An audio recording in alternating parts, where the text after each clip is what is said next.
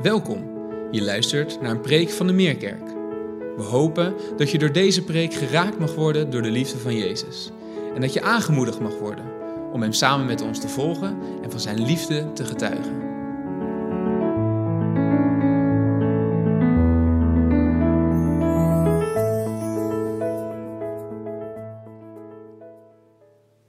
Goedemorgen.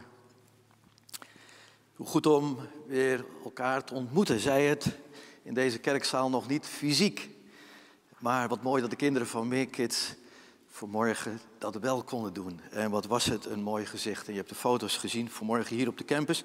Hoe ze enthousiast met hun ouders of begeleiders hier zijn aangekomen. Eh, geweldig. Wat geeft dit hoop ook voor ons, voor straks. Als ook hier weer die mogelijkheid uh, kan zijn. Graag begin ik met een persoonlijk woord van dank. Dank voor alle meeleven en gebeden. Uh, zojuist zelfs nog in het dankgebed. Wat heeft dat goed gedaan? Wat ben ik blij dat ik weer aardig op de been ben. Heel veel dank. Ik weet me zo rijk met zo'n betrokken, meelevende en vooral biddende gemeente. Vanmorgen lazen we uit Jesaja 53. En een stuk van 52, dat hoort eigenlijk bij elkaar. En we refereren er altijd naar als Jezaja 53, dat geheel. Ik wil er een paar versen uitpakken. En die vanmorgen als het ware uh, onder het vergrootglas leggen. En te zien wat God daardoor tot ons te spreken heeft. En er zijn twee versen. Vers 5 en 6 uit Jesaja 53. Om onze zonde werd hij doorboord om onze wandaden gebroken. Voor ons welzijn werd hij getuchtigd. Zijn striemen brachten ons genezing. Wij dwaalden rond als schapen. Ieder zocht zijn eigen weg. Maar de wandaden van ons allen liet de Heer op hem neerkomen. Het zijn woorden deel van een profetie van Jezaja waarin hij in detail wat later Jezus als de Messias van Israël zou overkomen en zou moeten doorstaan. 700 jaar later, om precies te zijn. Doorstaan in zijn lijden en sterven aan het kruis voor de vergeving van de zonden. En hier worden ze zo krachtig genoemd, de wandaden van zijn volk. Maar dat beeld van een leidende Messias gaat in tegen de menselijke en religieuze opvatting over God. Want bedenk, welke God zou zijn macht, zijn koningschap opgeven om als een onschuldig mens te sterven voor zondige mensen? Daarom dat Jezaja zich ook ernstig afvraagt. En dat is een belangrijk punt om te verstaan waar Jezaja met ons, als het ware, ook nu nog de vinger op wil leggen. Jezaja die vraagt zich ernstig af wie tegen die tijd deze profetie, als die eenmaal vervuld is, zal geloven. 700 jaar later dus. Hij stelt de vraag zo in vers 1. Wie kan geloven wat wij hebben gehoord? En daar bedoelt hij mee wat ik ontvangen heb als profetie over 700 jaar later. Wie kan geloven wat wij hebben gehoord, wat wij hebben gezien? Wat God ons heeft geopenbaard. Nu, die vraag blijkt niet uit de lucht gegrepen. Inderdaad, wie kan geloven wat is gehoord, wat is gezien, wat is geopenbaard over een God, hoog verheven, die bereid is neder te dalen om mens te worden, zelf onschuldig, voor schuldige mensen en voor hen te lijden en sterven. Ik bid zo dat vanmorgen, waar we zo makkelijk zeggen, ja, Jezus is gekomen, heeft gehangen aan een kruis, is gestorven voor de zonde van de mens, dat we dat dieper zullen gaan ervaren vandaag. Het grote wonder. En als vanmorgen gebeden is voor de schepping, dan bedenk dat de mens en de schepping hebben uitgezien naar dat moment dat God zou ingrijpen. Daar kun je niet over uitgedacht raken. Daar kun je niet van zeggen, ja, dat weet ik nu wel. Kan ik iets nieuws leren? Nee, Dit is het nieuwe. En we hebben een heel leven lang nodig om te doorgronden, en we zullen het straks ook zien, de rijkwijde van die diepte. Nu, als Jezaja zich dit afvraagt, zullen er straks mensen zijn die dit geloven? Laten we de proef op de som nemen en kijken wie er 700 jaar later dit kan geloven. Ik heb iets meegenomen. Herken je dit tafereel? Het is een gevelsteen in de Begijnhof in Amsterdam. Ga maar eens kijken als je daar binnenkomt vanuit het spij, door dat kleine eh, poortje en dan links in een muur met andere gevelstenen vind je deze. Dit is een schilderij. Uh, is gemaakt door Olga van Ypres, die die gevelsteen naschilderde. Een prachtig beeld en velen zullen het herkennen. De Emmausgangers op de dag van de opstanding van Jezus. Jezus voegt zich bij hen en loopt in hun midden.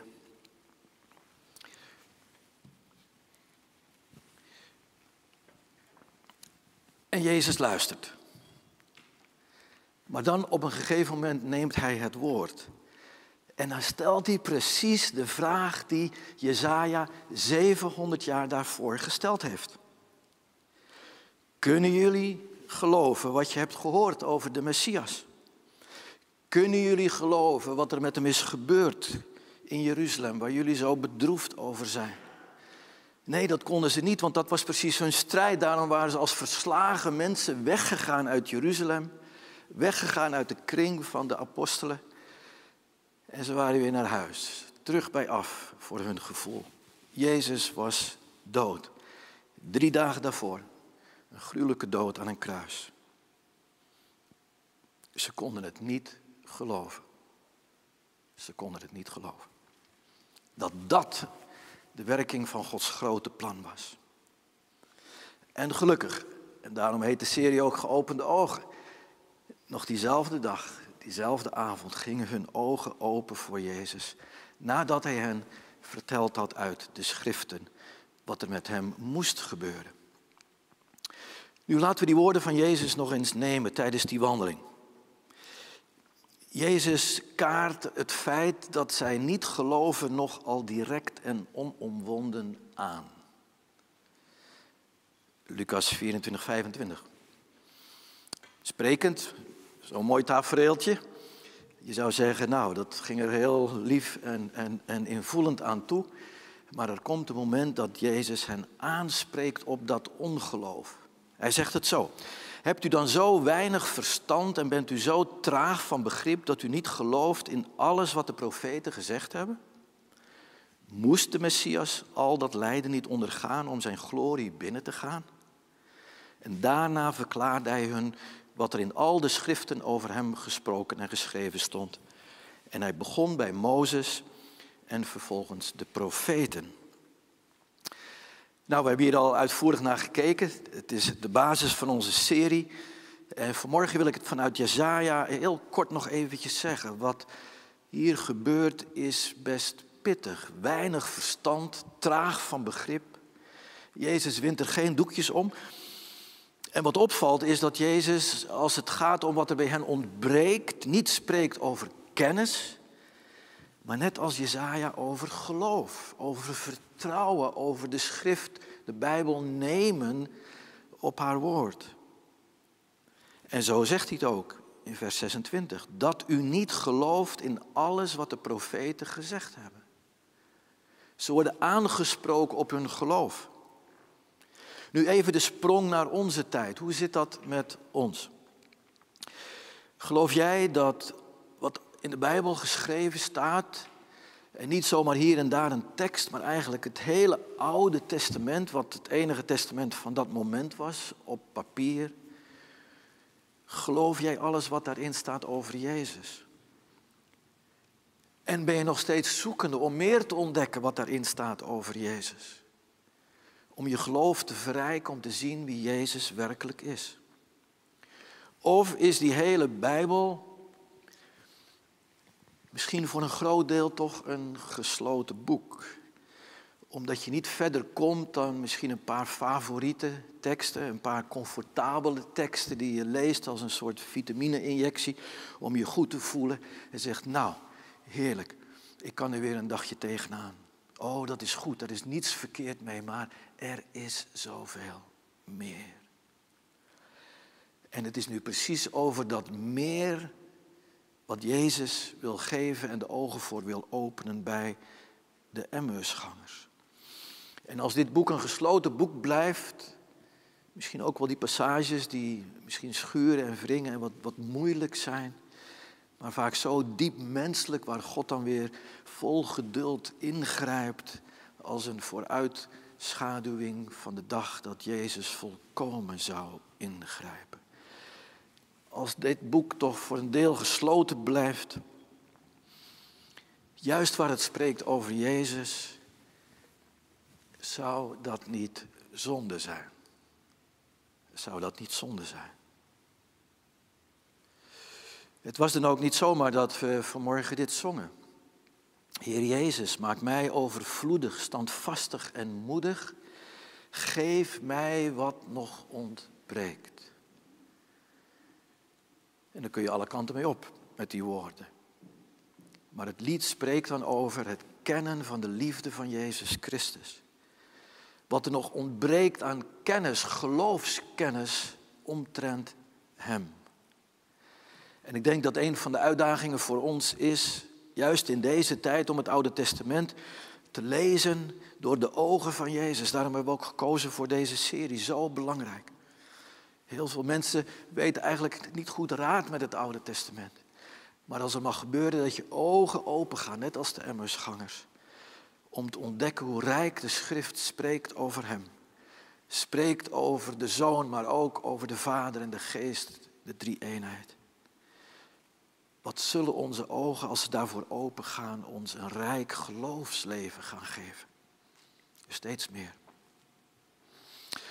Nu om even de context te schetsen waar we eerder in het Oude Testament naar Abraham en Mozes keken. Vanmorgen dus Jezaja, een van de profeten. En Jezaja 53 is misschien wel een grote eye-opener om wat er mogelijk nog ontbreekt in het ontdekken van Jezus in wat wij dan noemen het Oude Testament, de Tenach. Laten we daarom vanmorgen wat dieper ingaan op dit bijzondere hoofdstuk. Een hoofdstuk, overigens, dat in bepaalde Joods-orthodoxe kringen een verboden hoofdstuk is. Ik kom daar straks nog op terug. Want dat is niet zonder betekenis, waarom dat zo is. Nu, als je Jesaja 53 leest, dan kan het je niet ontgaan zijn hoe de tekst ons op een indringende wijze confronteert met een diep geworteld probleem. Namelijk het diep gewortelde probleem van onze zonde, van onze schuld, van onze tekortkoming. Wandaden noemt Jezaja ze. Dat kleeft er aan ons als mens, als volk van Israël tezamen in die tijd, maar ook individueel. En ik denk dat het ook zo belangrijk is om vanmorgen dat onder ogen te zien. Dat het gaat over mij. Ik als individu, niet die ander. Het gaat vanmorgen om mij. En ik hoop dat jij dat ook kan zeggen, dat u dat ook kunt zeggen. Nou, direct al in hoofdstuk 1 is het duidelijk hoe Jezaja een beeld schetst van de vele zonden die het volk begaan heeft. Hij komt meteen met de deur binnen. Hoofdstuk 1. Direct raak. Het is duidelijk wat hij aan de kaak wil stellen. Het oordeel komt dan ook over die zonde van het volk. Dat kan niet uitblijven waar de zonden zijn opgestapeld en opgestapeld en opgestapeld. En de straf voor die zonde is dat het volk zal weggeleid worden in ballingschap, in deportatie naar de grootmacht Babel. En Jeruzalem, Gods heilige stad, zal verwoest achterblijven. Maar dan komt Jezaja ook met troost. Troost, troost mijn volk. Denk aan die prachtige Messiah, dat muziek en zangstuk waar ineens dan uit die donkerte komt, troost, troost mijn volk. Comfort ye my people. Er zal een keer komen in hun lot. Wanneer het volk 70 jaar later zal terugkeren naar dat verwoeste Jeruzalem en het weer zal opbouwen. En er zal een koning komen uit het geslacht van David, die voor altijd vrede zal brengen. Ja, een vrederijk zal brengen waar geen einde aan zal komen. En dan zou je zeggen, nou mooi, eind goed, al goed. Maar daarmee is nog lang niet alles gezegd. Want je zou kunnen zeggen, zou het volk dan gewoon na hun straf van 70 jaar ballingschap zeggen, nou nu kunnen we weer met een schone lei beginnen. Ach, als dat al zou kunnen, dan zou die lei toch weer snel bezoedeld zijn. Het volk zal dan wel gestraft worden en in ballingschap gaan, maar dat diep gewortelde probleem van zonde en schuld kan niet door de mens zelf weggenomen worden. Die wortel kan niet uitgeroeid worden. God zelf, God zelf zal daarin moeten voorzien en wil daarin voorzien. En als ik dat woord voorzien gebruik, God zal erin voorzien, dan denken we natuurlijk direct terug aan de recente preek over Abraham en Isaac en hoe God voorzag in een offerlam. Maar niet alleen denken we aan Abraham, we denken ook aan de preek van afgelopen zondag over Mozes. En zijn voorzegging dat er op een dag die ene profeet zou komen. Die ene profeet naar wie je moet luisteren. Profeet met een hoofdletter geschreven. En zo worden we in onze serie vanmorgen naar Abraham en Mozes in Jezaja voor de derde keer gewezen op het feit van de oplossing voor dat diep gewortelde zondeprobleem dat de mens zelf niet kan oplossen, maar God wil oplossen. In Christus. Op een manier die niemand had voorzien, die niemand eigenlijk kon geloven. Hoe kan een God zo genadig zijn dat hij zelf de schuld wil dragen voor schuldige mensen? We zeggen dat vaak in het ene begrip, de leidende Messias, de dienstknecht des Heren, die al zijn goddelijke en koninklijke heerlijkheid wilde afleggen om mens te gaan worden trouw tot in de dood. En dat brengt alles tezamen. Van kerst, waar hij geboren werd, tot Goede Vrijdag, waar hij zijn leven gaf aan het kruis. En waar hij ook drie dagen later mocht opstaan. En straks deze week vieren we hemelvaart. Dan zal hij verhoogd worden. Nadat alles gebeurd is, en ook daar, als je het geproefd en gehoord hebt, spreekt Jezaja over. Dat is voor een andere keer. Maar wel goed om te noemen dat die profetie alles omvat, ook hemelvaart, wat er in Jesaja 53 al voorspeld wordt. Maar even terug naar Gods voorzien. God zelf zal vanuit de hemel voorzien, de oplossing, de verlossing geven. En het is goed dat ik deze beweging maak, van de hemel naar de aarde beneden. Hij nam het initiatief, hij was de eerste die richting oplossing alles aandroeg wat hij kon aandragen. Afgelopen week waren we hier bij elkaar op de slotavond van de beta, keurig binnen de coronaregels. En um, als een woensdag, de beta, of de alfa. Geweldig dat die twee belangrijke cursussen als een pijler in de meerkerk weer gestart konden worden dit um, kwartaal. Maar afgelopen week waren we dus voor de laatste keer hier bij elkaar op de slotavond van de beta-cursus. En, en toen benadrukten we ook die, die verticale balk van het kruis, die haar eerste betekenis krijgt van boven naar beneden. God die in Christus van boven ons tegemoet komt. Waar wij aan de voet van dat kruis ons in verootmoediging buigen vanwege onze zonde. Dat is in, in het kort ook samengevat de, de, de Alpha-cursus.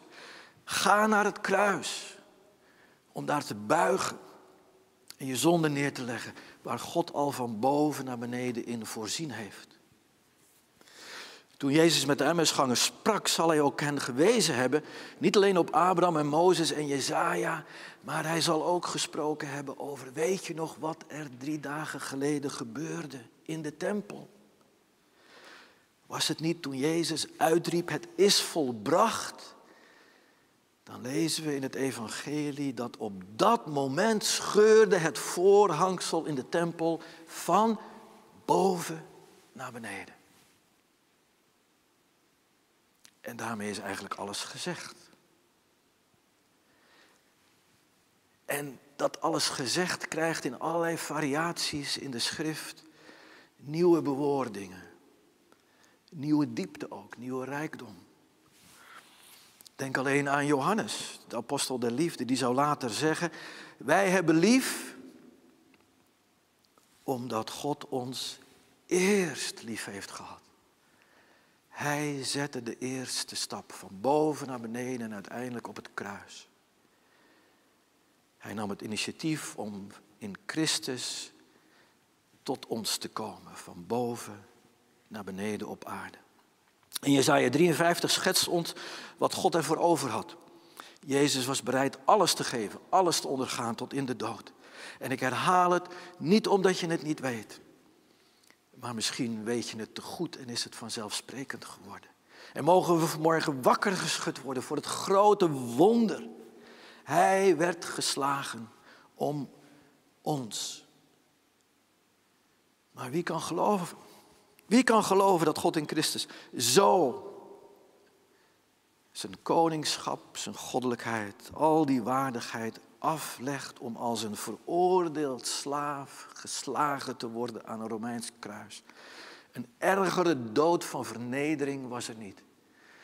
Het was het apparaat, het martelwerktuig bij uitstek voor de Romeinen om te zeggen, als je ook maar één kik geeft en twijfelt en je maar een half woord uit tegen de keizer, tegen Caesar, die Curius is, die God is, die alle macht heeft. Denk je dat jij als slaaf in opstand kan komen tegen die macht? Het zal je duur komen te staan, de dood aan een kruis. En God koos precies die dood. Wie kan het geloven? Wel, degene wiens ogen geopend zijn, die kan het geloven. Geopend niet alleen voor zo'n liefde en genadevol God, maar ook geopend voor zijn eigen zonde, voor zijn eigen verlorenheid.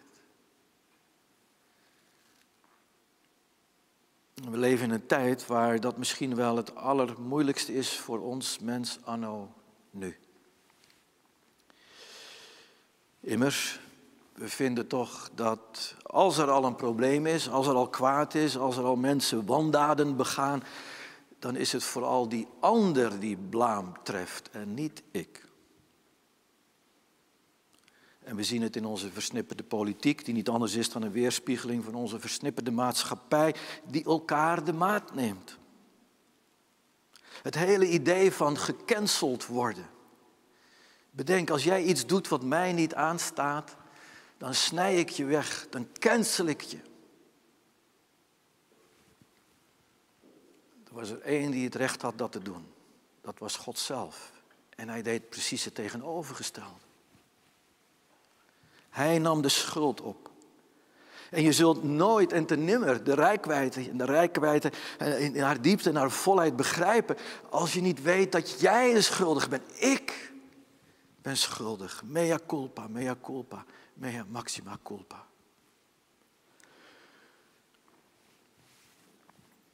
Waar hoor je nog eerlijk zeggen?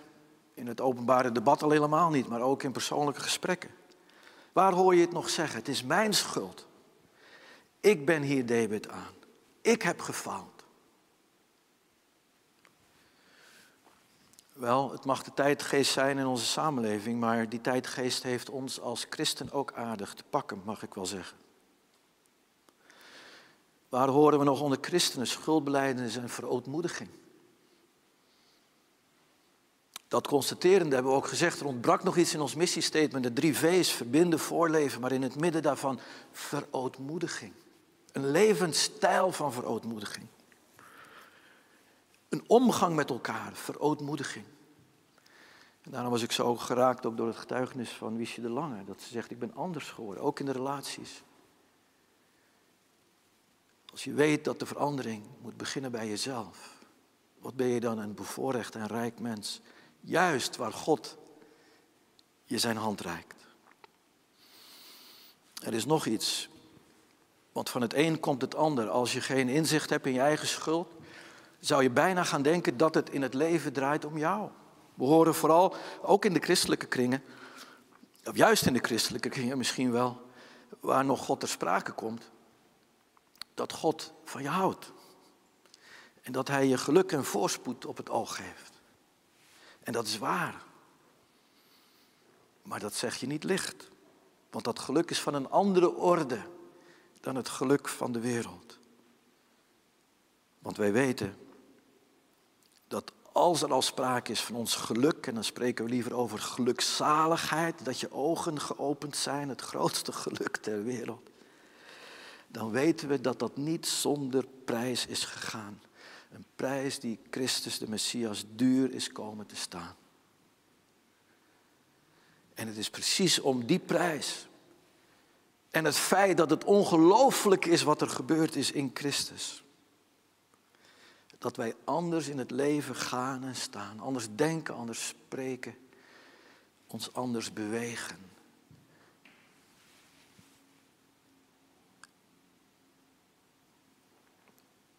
We zijn zo diep doordrongen van het feit dat onze verlossing en vrijheid, die we in Hem gekregen hebben, om niet, pro deo, ons verplicht anders te leven, adeldom verplicht.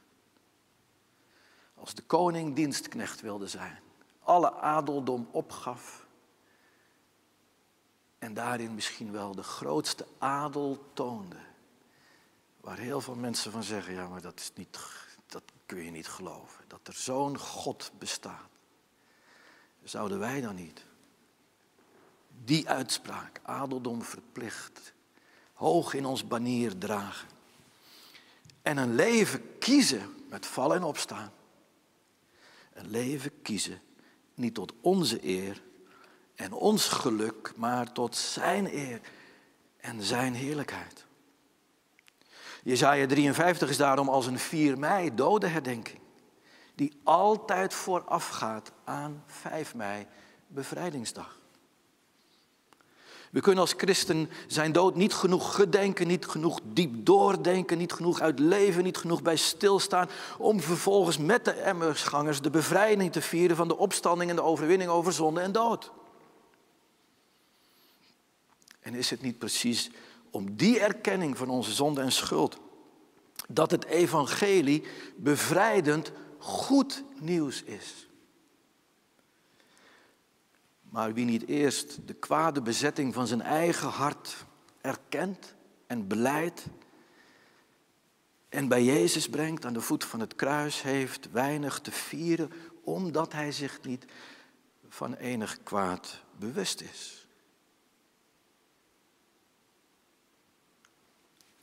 Dat is waar we vanmorgen over spreken.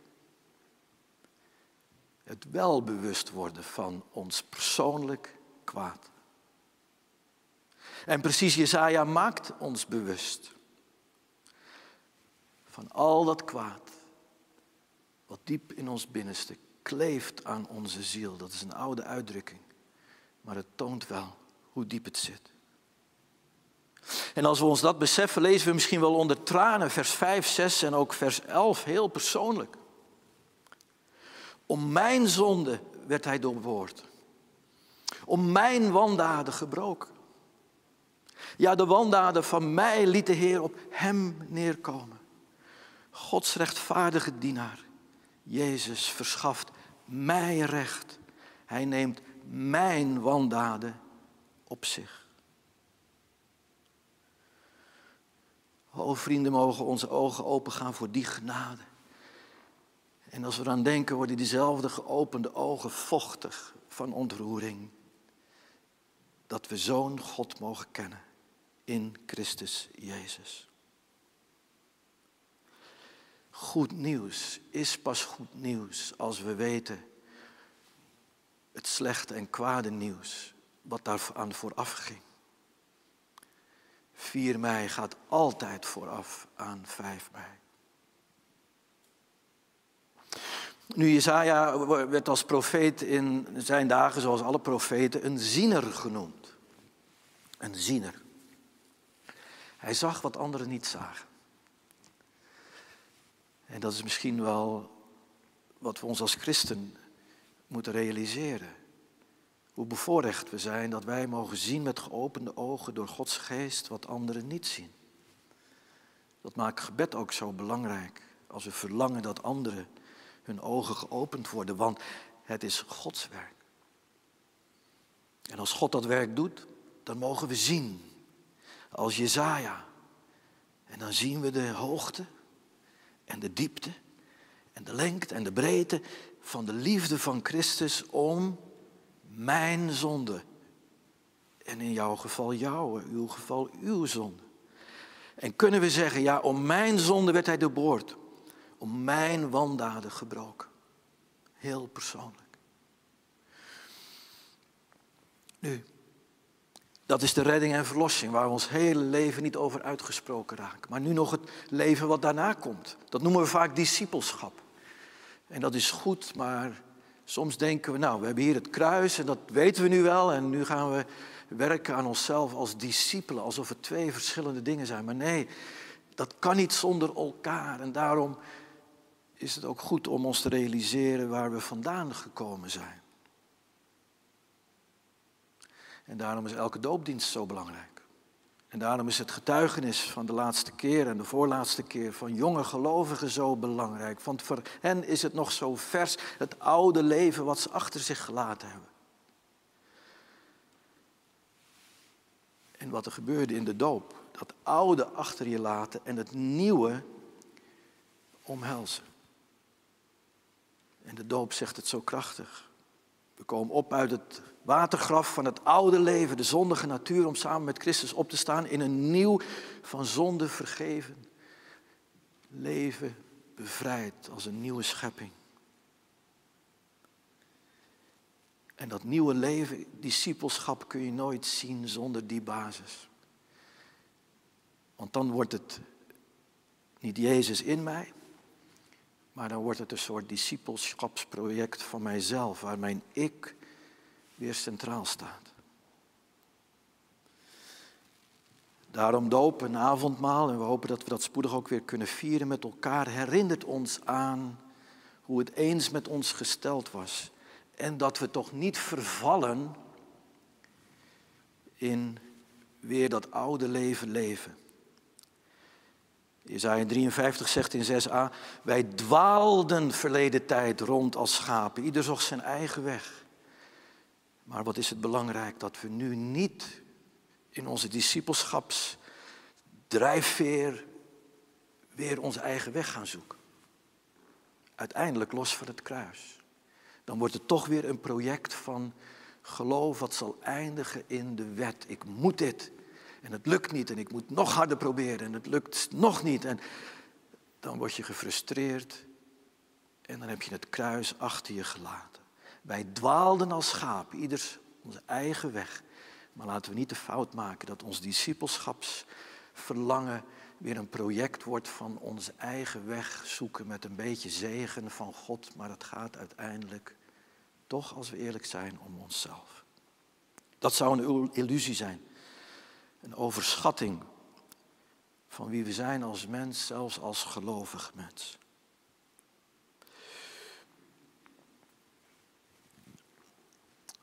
Was Petrus die dat moest leren.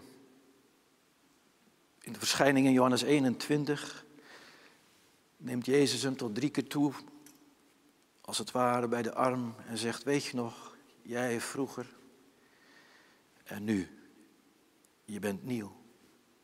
En laat ik nog één ding zeggen. Vroeger ging je in eigen kracht, je eigen weg, maar nu zal iemand anders je bij de hand nemen en je leiden op een andere weg. Dat is uiteindelijk discipelschap. De weg van Christus.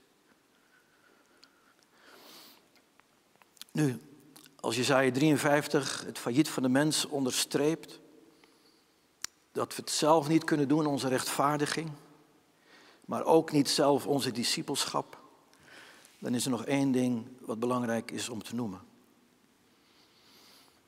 En dat is dat Jezus in zijn lijden ook het voorbeeld voor ons is van discipelschap. Hij rechtvaardigt ons, maar ook het nieuwe leven ontvangen in Hem is van Hem en niet mijn inspanning. En hier komen we op de traditie die ik net noemde, waarom Jezaja 55 in sommige eh, tradities van de rabbies een verboden boek is. En ik zal je vertellen hoe je dat, en als je wil kun je het vanmiddag ook zelf bekijken. In Preek door de Week Plus staat de link.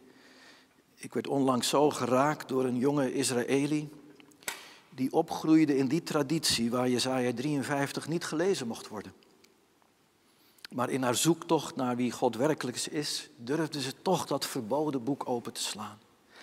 En ze kwam tot levend geloof in Yeshua HaMashiach, Jezus de Christus. Haar ogen gingen open. En nu leidt ze het mediateam van een grassroots organisatie die Jezus, die Yeshua in Israël bekend wil maken via internet. En hun eigen tijdse video's met het getuigenis van die oude boodschap van Jezaja is al door tientallen miljoenen mensen bekeken. En het resultaat is dat jonge Israëli's de ogen opengaan voor de Jezus uit hun oude Joodse geschriften. En dan zijn we weer terug waar we begonnen zijn. Zij, 2000 jaar later, deze jonge Israëli's, voegen zich als het ware samen met de Emmersgangers. En Jezus verschijnt aan hen. Jezus verschijnt aan hen. Wat bijzonder om dat te zeggen. Dat landgenoten zoals de Israëli's van vandaag zijn met de Emmersgangers van toen. In dat prachtige land Israël. De ogen geopend krijgen. En Jezaja 53 is vaak een sleutel, maar is de sleutel naar meer, want ze gaan hun hele tenacht van Mozes en de profeten zien door de ogen van Jezus. In elk Bijbelboek lezen ze Jezus. Wat een prachtig beeld. Hoe vat je de schrift samen? Jezus. Yeshua HaMashiach. De schoonste naam die er is. Jezus. Zullen we samen bidden. Heer, wat zijn we dankbaar voor het getuigenis van hen die pas tot geloof zijn gekomen. Wat hebben we het nodig als we al vele jaren, misschien wel decennia, misschien wel een halve eeuw of meer u kennen. Wat hebben we het nodig om weer bij de les geroepen te worden om de kern van het evangelie in haar diepte te zien. En dank voor Jezaja. Maar dank voor het hele Oude Testament. En dan hebben we het nog niet eens over het Nieuwe Testament. Heer, we hebben het gezongen aan het begin van deze dienst. Open onze ogen. De ogen van ons hart. Open the eyes of my heart, Lord. En mogen we dan zien, die Jezus, schoonste Heer Jezus, die zijn leven gaf voor een ieder van ons. O Heer, mogen we met onze zonde komen aan de voet van het kruis. Misschien voor het eerst of misschien bij vernieuwing. Misschien zijn er onder ons die zeggen, ja, het werd allemaal wel erg gemakkelijk en comfortabel. Ik leefde eigenlijk werelds. Men kon niet zien aan mij dat ik deze rijkdom, deze schat ooit mocht ontdekken. Hier ben ik, Heer Jezus, vergeef me. Vergeef me. Vergeef me. En dan bent u die schoonste Heer Jezus die zegt, ik heb je al vergeven. Ik reik je mijn hand. Zullen we nu samen in nieuwheid van leven wandelen. Met al die miljoenen. Uit het verleden, maar ook uit het heden. Mogen we zo'n gemeente zijn. Met geopende, opende ogen. Geopend om in nieuwheid van leven te wandelen. Schoonste Heer Jezus, we willen een moment stil worden voor u. En ook in de stilte van ons hart onszelf buigen voor u.